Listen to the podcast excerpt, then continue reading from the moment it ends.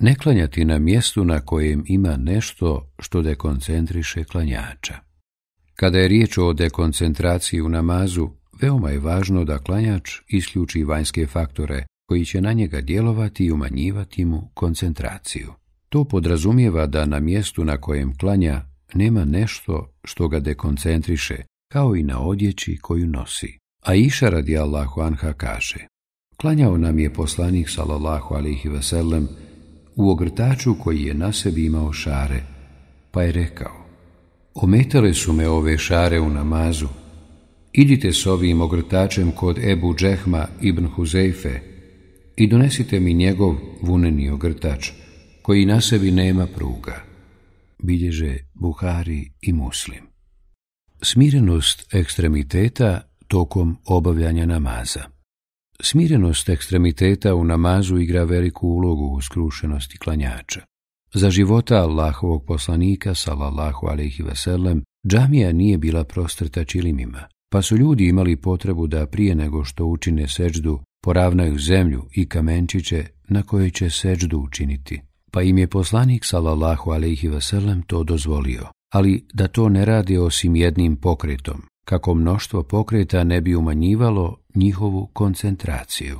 Od Muajkiba radi Allahu Anhu prenosi se da je poslanik salallahu alaihi veselem o čovjeku koji poravnava zemlju na kojoj će seđdu učiniti kazao. Ako već to moraš uraditi, neka to bude jednim pokretom, potezom. Bilježe Buhari i Muslim. Komentarišući ovaj hadis, učenjaci između ostalog navode da je poslanik salallahu alaihi vaselem dopustio da se to učini samo jednim pokritom, kako to ne bi dekoncentrisalo klanjača i kako se ne bi zaokupirao time. Kazao je Hafiz ibn Hajar. Ja shvatam iz hadisa da je razlog zabrane ovog postupka očuvanje skrušenosti. Kada govore o potrebi klanjača da poravna zemlju ili kamenčiće, na mjestu gdje će činiti seđdu, je li bolje da to uradi ili se strpi i ništa ne dira? Dio učenjaka Hanefijske pravne škole smatrao je da je bolje ništa ne raditi, jer je to bliže skrušenosti, i ne praviti nikakve pokrete. Kazao je Ibn Nuđeim, ako ne mogne učiniti seđdu, on će zemlju na kojoj će činiti seđdu poravnati jednim pokretom, jer je u tome korist za njegov namaz. Tako je spomenuto u Elhidaji. U tome je omogućavanje činjenja sečde onako kako od nas traži vjera, pa istoga proizlazi da je učiniti to prioritetnije nego ne učiniti. Dok je u El spomenuto da je poravnanje zemlje olakšica i da je prioritetnije da se to ne čini, jer je to bliže skrušenosti u namazu. Jednom prilikom je Allaho poslanik salallahu alaihi veselam vidio čovjeka koji je toliko žurio u namazu da nije upotpunjavao ruknove, niti se smirivao nakon svakog rukna. Allahov poslanik sallallahu alaihi veselam više ga je puta vraćao da ponovi namaz govoreći mu Vrati se i ponovi namaz, zaista ti nisi klanjao. Pa kada je nakon tri vraćanja zatražio od poslanika da ga poduči namazu, Allahov poslanik sallallahu alaihi veselem kazao je Kada staneš da klanjaš, donesi početni tekbir, prouči od Kur'ana ono što ti je najlakše, pa otiđi na ruku i ostani dok se potpuno ne smiriš. Potom se vrati s rukua dok se potpuno ne ispraviš, pa otiđi na seđdu i ostani na njoj dok se potpuno ne smiriš. Zatim se vrati sa seđde i ostani u sjedećem položaju dok se potpuno ne smiriš, te ponovo učini seđdu i ostani dok se potpuno ne smiriš. I tako postupaj dok ne završiš namaz. Bilježe Buhari i Muslim. Obavljanje namaza u stanju osnovne fiziološke potrebe. Jedna od stvari koja može bitno utjecati na skrušenost u namazu jeste i stanje velike i male nužde. Kada insan bude opterećen tim nagonom, ne može se koncentrisati na namaz i ono što se u njemu uči. Islam je preporučio da se namaz ne obavlja u takvom stanju kako bi bio potpun. A Iša radi Allahu Anha prenosi da je čula Allahovog poslanika salallahu alaihi kako je rekao Ne treba klanjati namaz kada je jelo postavljeno, niti kada se ima nagon za obavljanjem male ili velike nužde bilježi muslim. Propis je identičan bilo da je velika ili mala nužda u pitanju. Analogno tome isti propis se odnosi i na trpljenje nagona za puštanjem vjetra. Kazao je Bedrudin El Aini, poznati učenja hanefijskog mesheba. Spomenuto je u El Muhitu da je pokuđeno stupiti u namaz trpeći nagon za jednom od dvije fiziološke potrebe, ali i nagon za puštanjem vjetra. Ako bi ga nagon prekomjerno opteretio, prekinut će namaz, a ako bi nastavio, namaz bi mu bio ispravan, ali je loše postupio. Izniman je stav Ebu Zejda el Mervezija i el Kadija Huseina iz šafijske pravne škole, koji su kasali. Ako bi trpljenje nagona za dvijema fiziološkim potrebama bilo razlogom nestanka skrušenosti u namazu, namaz ne bi bio ispravan. Bukvalistička pravna škola je u osnovi bila stava da trpljenje takvog nagona uzrokuje neispravnost namaza u svakom slučaju. A tačno je mišljenje kod učenjaka da je ispravan namaz onoga ko trpi nagon za obavljanjem nužde, ali je to pokuđeno. Ebu Derda radi Allahu Anhu govorio bi, pokazatelj čovjekovog znanja je da da prednost obavljanju nužde kako bi mogao stupiti u namaz smirenog srca predaju bilježi Imam Buhari. Obavljanje namaza u prisustvu hrane za kojom klanjač ima potrebu.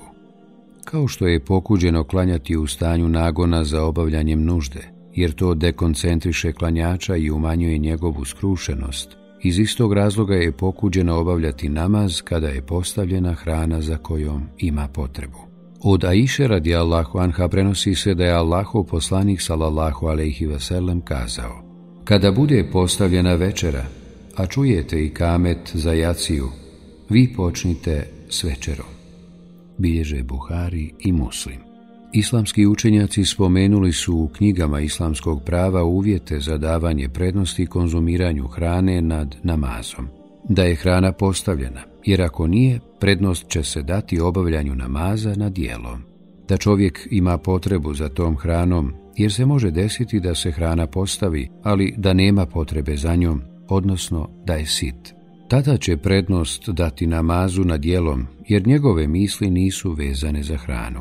Da ima mogućnost da je konzumira, ako je riječ o postaču, a u njegovom prisustvu se postavi hrana koju ne može konzumirati, jer je postač, nije mu pokuđeno klanjati u prisustvu hrane.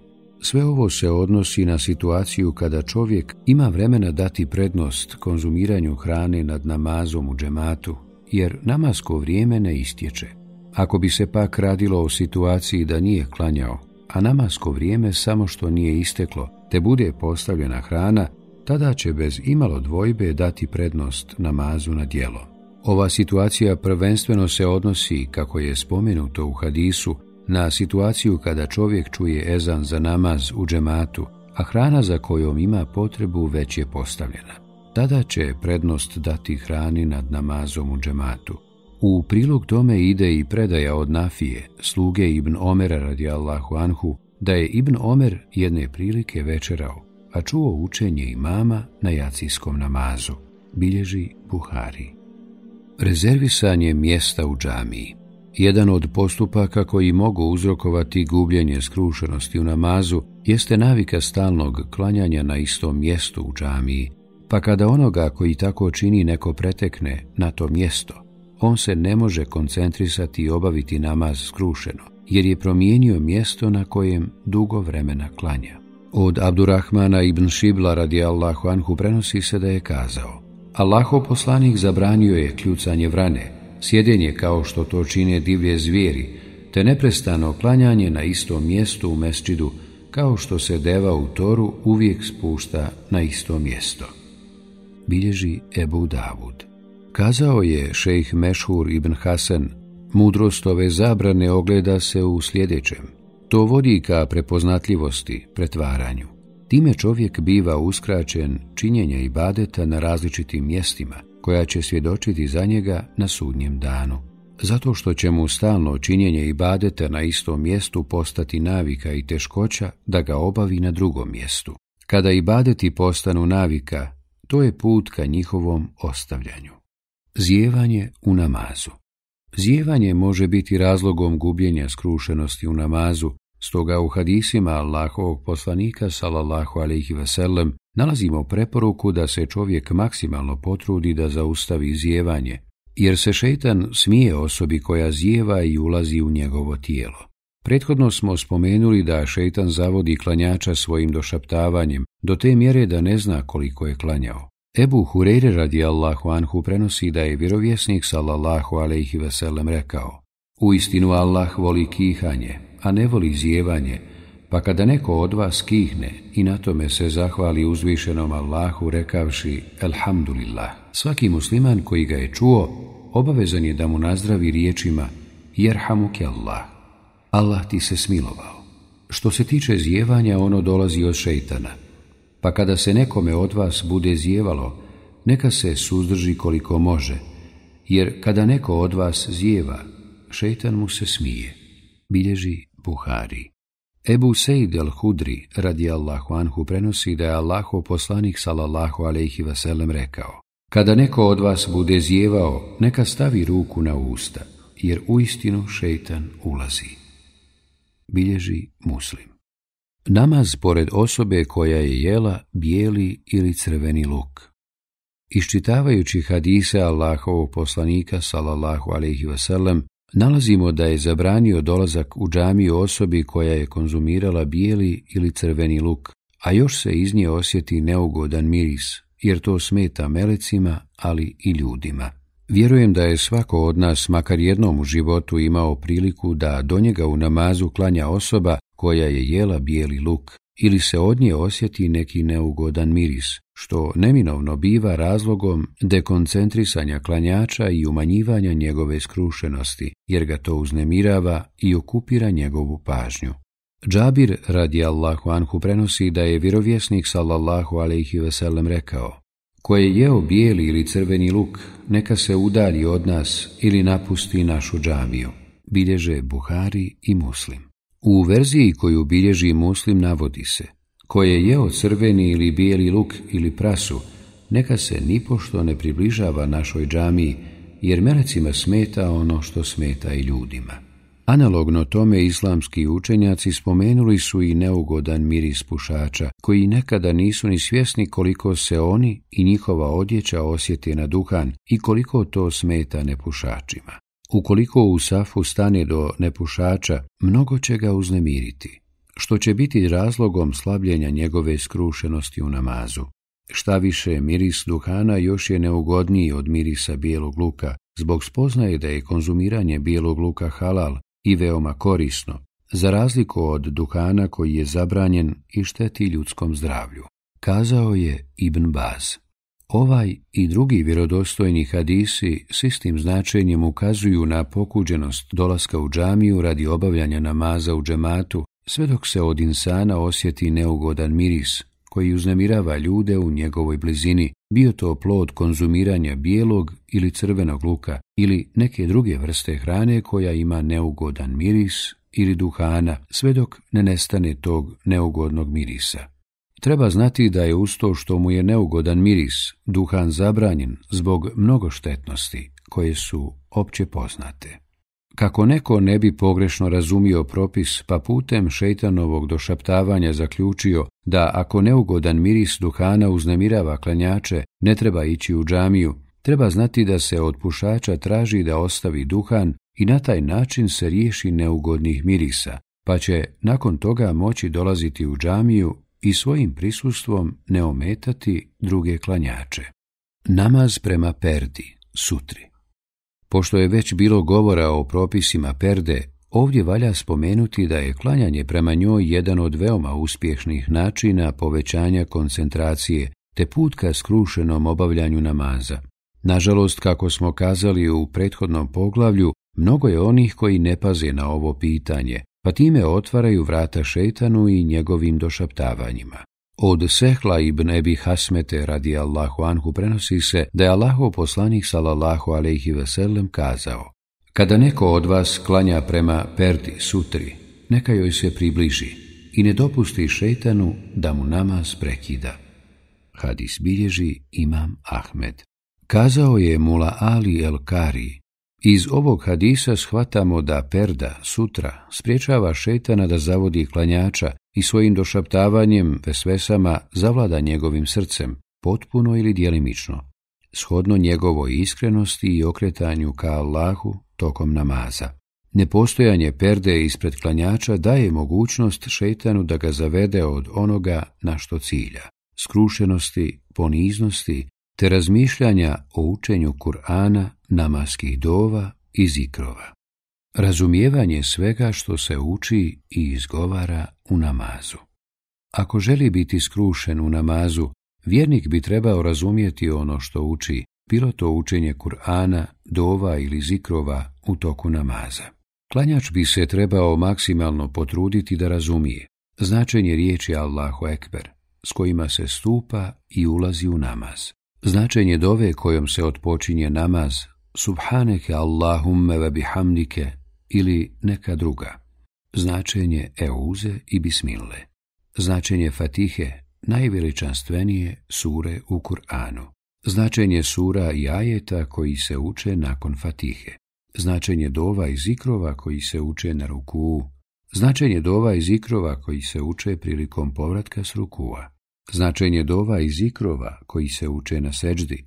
Značenje dova i zikrova koji se uče između dvije seđde. Značenje etehijatu. Značenje salavata. Spoznaja i razumijevanje spomenutoga je veliki, ako ne i najbitniji preduvjet da bismo se mogli koncentrisati i skrušeno obaviti namaz. Osobi koja ne zna značenje onoga što uči, veoma je teško da se koncentriše i bude skrušena u namazu. U sunnetu Allahovog poslanika salallahu alaihi ve nalazimo da je on razmišljao o onome što uči u namazu, što je bilo razlogom da plaće u namazu, te da tokom kirajta, učenja Kur'ana, veliča Allaha, jer je proučio ajet u kojem se spominje njegovo veličanje.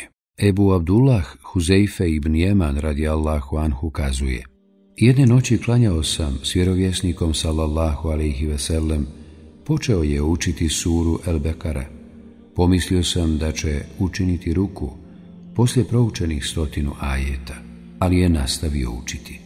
Tada sam pomislio da će na tom rekatu proučiti cijelu suru El ali on je nastavio učiti dalje. Potom je počeo učiti suru En Nisa, pa ju je proučio cijelu. Nakon čega je počeo učiti suru Alu Imran, pa je i nju proučio kompletno. Učio je polahko po tertilu i kada bi proučio ajetu kojem se Allah veliča, veličao bi ga. Ako se u ajetu spominjala dova, učio bi dobu. Ako se tražila zaštita, tražio bi je. Zatim je učinio ruku, izgovarajući Subhane Rabbir Azim, neka je slava mome veličanstvenom gospodaru. Na ruku se zadržao onoliko koliko i na kijamu, a onda je rekao Semi Allahu li men hamide, Rabbena lekel hamd. Čuje Allah onoga komu zahvaljuje. Gospodaru naš, tebi pripada zahvala. Pa se ispravio i dugo stajeo Približno onoliko koliko je bio na ruku. Nakon toga učinio je seđdu izgovarajući. Subhane rabijele ala, neka je slava mome uzvišenom gospodaru. Zadržavajući se na seđdi približno onoliko koliko se zadržao na kijamu. Bilježi muslim.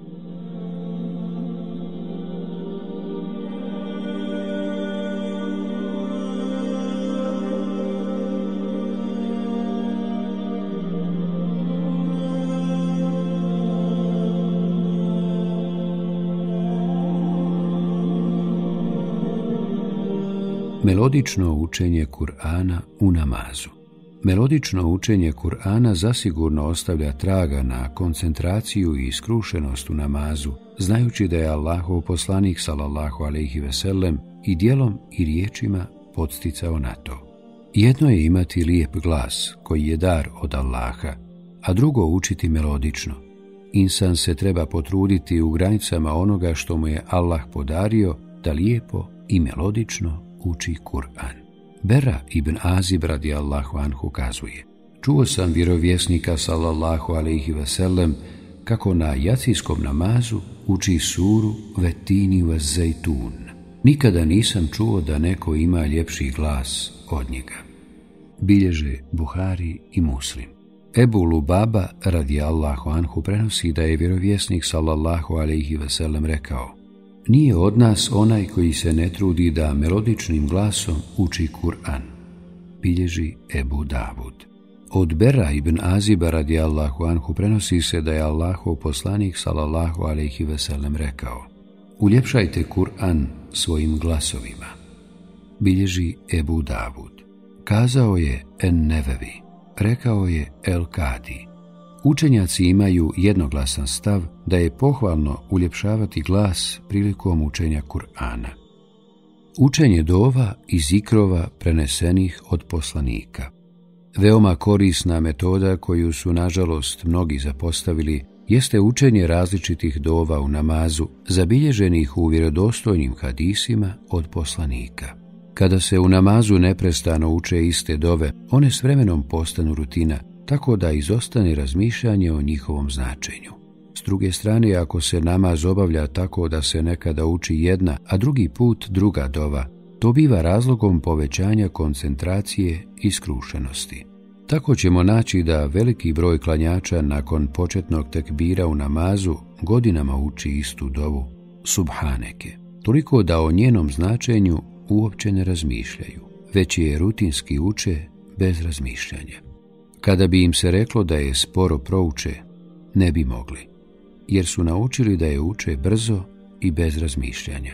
Ako pogledamo u sunnet Allahovog poslanika sallallahu alejhi vidjet ćemo da je on na više mjesta u namazu učio različite dove, za razliku od nas koji godinama učimo iste. Nakon početnog tekbira, na ruku, nakon povratka s rukua, na seđdi i prije selama, Allahov poslanik je učio više dova, pa bi bilo lijepo da ih i mi naučimo i praktikujemo. Kazao je šejih Muhammed ibn Salih el Useimin. Pravno pravilo glasi, lijepo je i badete koji su preneseni na više načina praktikovati na sve te načine. U tome se kriju mnoge koristi, čuva se sunnet Allahovog poslanika, olakšava se ljudima, šerijatskim obaveznicima, jer su neki načini lakši od drugih, to biva razlogom prisutnosti srca te odagnava lijenost i monotoniju. Sjećanje na smrt Naklanjača koji bude svjestan da je namaz koji namjerava obaviti možda njegov posljednji, takva spoznaja će zasigurno ostaviti traga, povećati njegovu koncentraciju i skrušenost, jer će se potruditi da ga obavi što potpunije, kako bi zaslužio što veću nagradu. U sunetu Allahovog poslanika sallallahu alaihi veselem nalazimo da je ljudima savjetovao da se prije namaza sjete smrti i da ga obave poput onoga ko se oprašta od dunjaluka. Od Ebu Ejuba radi Allahu Anhu prenosi se da je neki čovjek došao Allahovom poslaniku sallallahu alaihi veselem i kazao Allahov poslaniče, poduči me, ali nemoj da to bude nešto dugo. On mu je odgovorio – kada ustaneš da klanjaš, obavi namaz onoga ko se oprašta od dunjaluka. I nemoj izgovoriti riječ zbog koje ćeš se sutra izvinjavati i sustegni se od onoga što ljudi posjeduju. Bilježi Ibn Mađe. Od Enesa radi Allahu Anhu prenosi se da je Allahu poslanik salallahu alaihi veselem kazao Sjeti se smrti u namazu, jer ako se čovjek sjeti smrti, to će biti razlogom da lijepo obavi namaz. I obavi namaz osobe koja misli da neće klanjati drugi. Čuvaj se svake stvari zbog koje ćeš se sutra izvinjavati. Hadis bilježi et dejlemi. Spoznaja da od namaza imamo onoliko koliko smo u njemu prisutni i skrušeni veoma efikasan način da povećamo koncentraciju u namazu i potrudimo se da ga skrušeno obavimo, jeste spoznaja da ćemo kod Allaha od svoga namaza imati ono što budemo klanjali svjesno, skrušeno i fokusirano na ono što govorimo. Od Amara ibn Asira radi Allahu Anhu prenosi se da je kazao Čuo sam Allahovog poslanika sallallahu alaihi veselem kako govori Ima ljudi koji završe s namazom a od njega im je upisana samo desetina, devetina, osmina, sedmina, šestina, petina, četvrtina, trećina, polovina. Bilježi Ebu Davud. Od Ebu Jesera Kaba ibn Amra es Sulemija radijallahu anhu prenosi se da je Allahov poslanik sallallahu alaihi vasallam kazao Ima među vama ljudi koji namaz obave potpuno, a neki klanjaju polovinu, trećinu, četvrtinu, petinu, sve dok nije stigao do desetine. kad izbilježe imami Ahmed i Nesaji. Onaj koji neprestano bude svjestan ove činjenice, neminovno će se potruditi da nama zobavi što potpunije i iskrušenije, kako bi od njega imao što veću korist. Upućivanje dove u namazu jedna od metoda kojom se može povećati skrušenost je upućivanje dove tokom namaza na mjestima gdje je to propisano, naročito kada je riječ o seđdi. Iskreno i iskrušeno učenje dove gospodaru na seđdi, ali i na drugim položajima u namazu na kojima se, kako je potvrđeno, može doviti, od insana će sigurno odagnati šetana i njegova došaptavanja, te ojačati njegovu koncentraciju i povećati skrušenost. Sama spoznaja da je na seđdi najbliži svome gospodaru povećava kod njega strahopoštovanje prema stvoritelju i čini ga skrušenim. Ebu Hureyre radi Allahu Anhu prenosi da je Allahu poslanik salallahu alaihi vaselem rekao Čovjek je najbliži svome gospodaru kada mu čini seđdu, pa na seđdi što više upućujte dove. Bilježi muslim.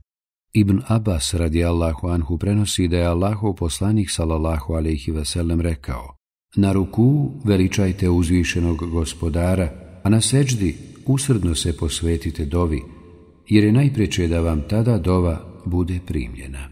Klanjanje potvrđenih sunneta, pogotovo onih prije farz namaza. Klanjanje potvrđenih sunneta jedan je od razloga jačanja koncentracije u obaveznom namazu, a pogotovo kada je riječ o sunnetima koji se klanjaju prije farza. Time se čovjek pripremi za obavljanje obaveznog namaza, za razliku od onog koji dolazi u džamiju i odmah se priključuje zajedničkom klanjanju. Takva je osoba mnogo lakši plijen za šeitana i njegove vesvese nego ona koja je već klanjala potvrđeni sunnet prije namaza i time se pripremila za farz namaz. Također čovjek koji bude svjestan da obavljanjem dobrovoljnih namaza nadoknađuje propuste koji mu se dese u farzima, sigurno će se truditi da redovno klanja potvrđene sunete prije i poslije namaza. Ebu Hureyre radi Allahu Anhu prenosi da je Allahu poslanik sallallahu alaihi veselem rekao Prvo za će čovjek od svih svojih dijela na sudnjem danu polagati račun jeste namaz. Ako mu namaz bude ispravan, spasio se i uspio je, a ako bude neispravan, izgubljen je i upropašten. Ako mu bude nedostajalo farzova, uzvišeni i svevišnji gospodar reći će Pogledajte imali moj rob dobrovoljnih namaza na fila, kako bi mu se upotpunilo ono što mu nedostaje od farzova. Zatim će na isti način polagati račun za ostala svoja dijela. Bilježi Tirmizi.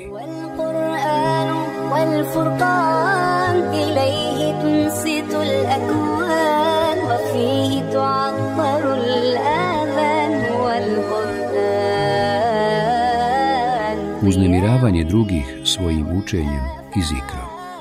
Insan prilikom obavljanja namaza u džematu treba biti svjestan da nije sam i da u njegovoj blizini klanjaju i drugi, pa bi se trebao potruditi da i svojim učenjem i namazom ne uznemirava.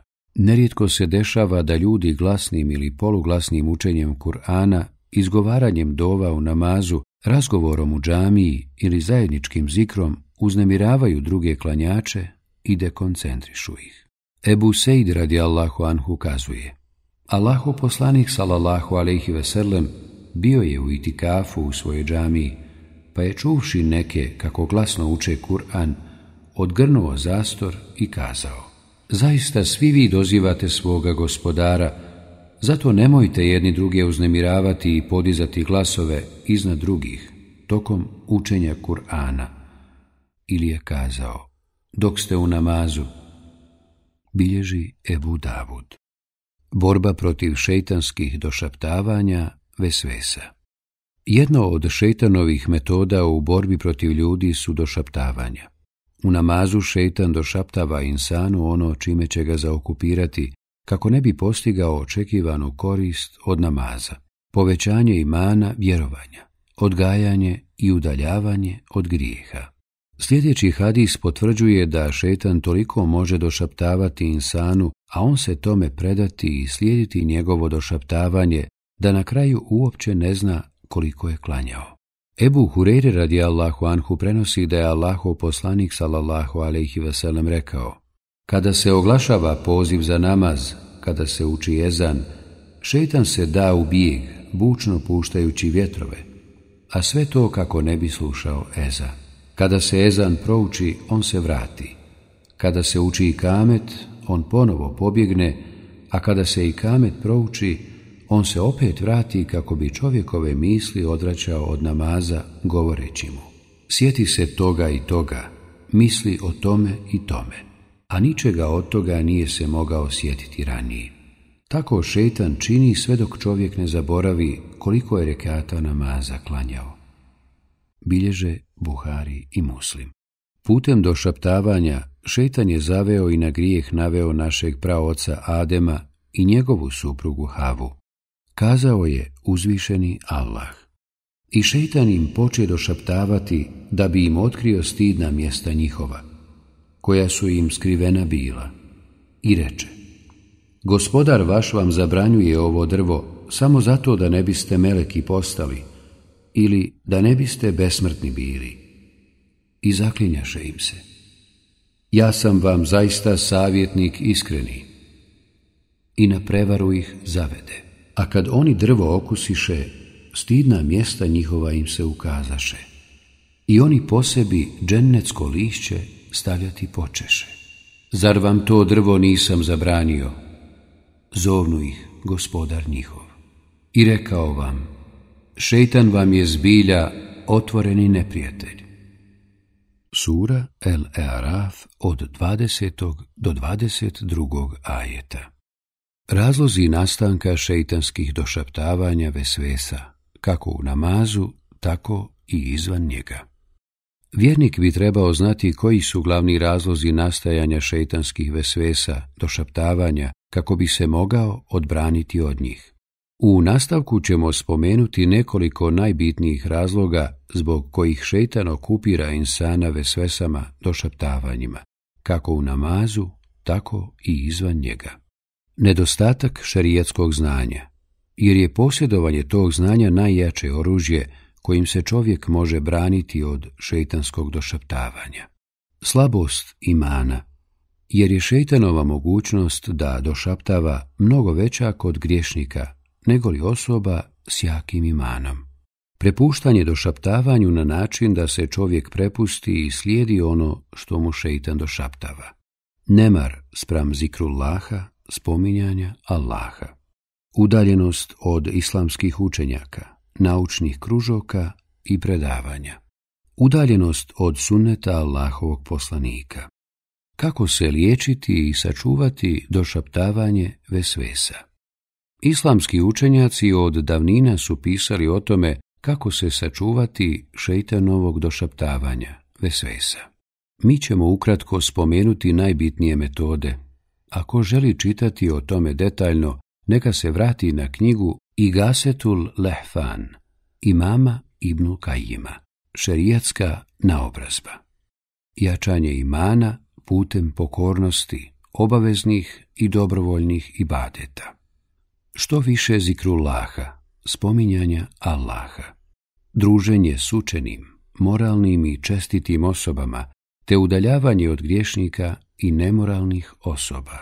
Čvrsto uvjerenje da je apsolutna istina ono sa čime je došao Allahov poslanik, sallallahu alaihi veselam Uvjerenje da šetan ne posjeduje mogućnost zavođenja, osim došaptavanja zbog kojih se ljudi nakon nekog vremena predaju tome zaštita od šetanskog djelovanja putem propisanih dova, prenesenih vjerodostojnim hadisima od Allahovog poslanika sallallahu alaihi veselem.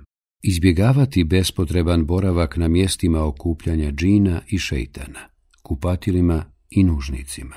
Kada bude siguran da je uzeo abdest ili se propisano okupao ili obukao čistu odjeću, neće se osvrtati na šeitansko došaptavanje da je izgubio abdest, da nije potpuno uzeo gusul ili da mu je odjeća nečista, sve dok za to ne bude imao jasan dokaz.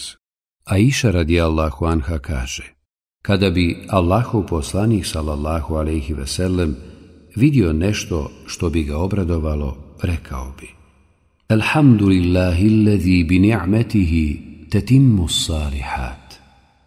Hvala Allahu čijom se milošću i dobrotom završavaju dobra djela, a kada bi vidio nešto što nije volio, rekao bi Alhamdulillahi ala kulli hal.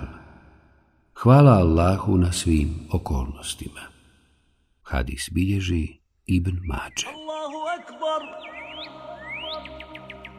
Allahu akbar. Knjiga Namaz radost oka moga. Allahu akbar, Allahu akbar. Autor, magistar Elvedin Pezić. Ašhedu an la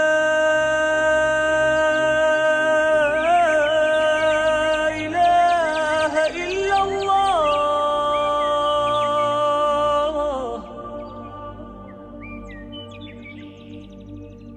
Ašhedu an la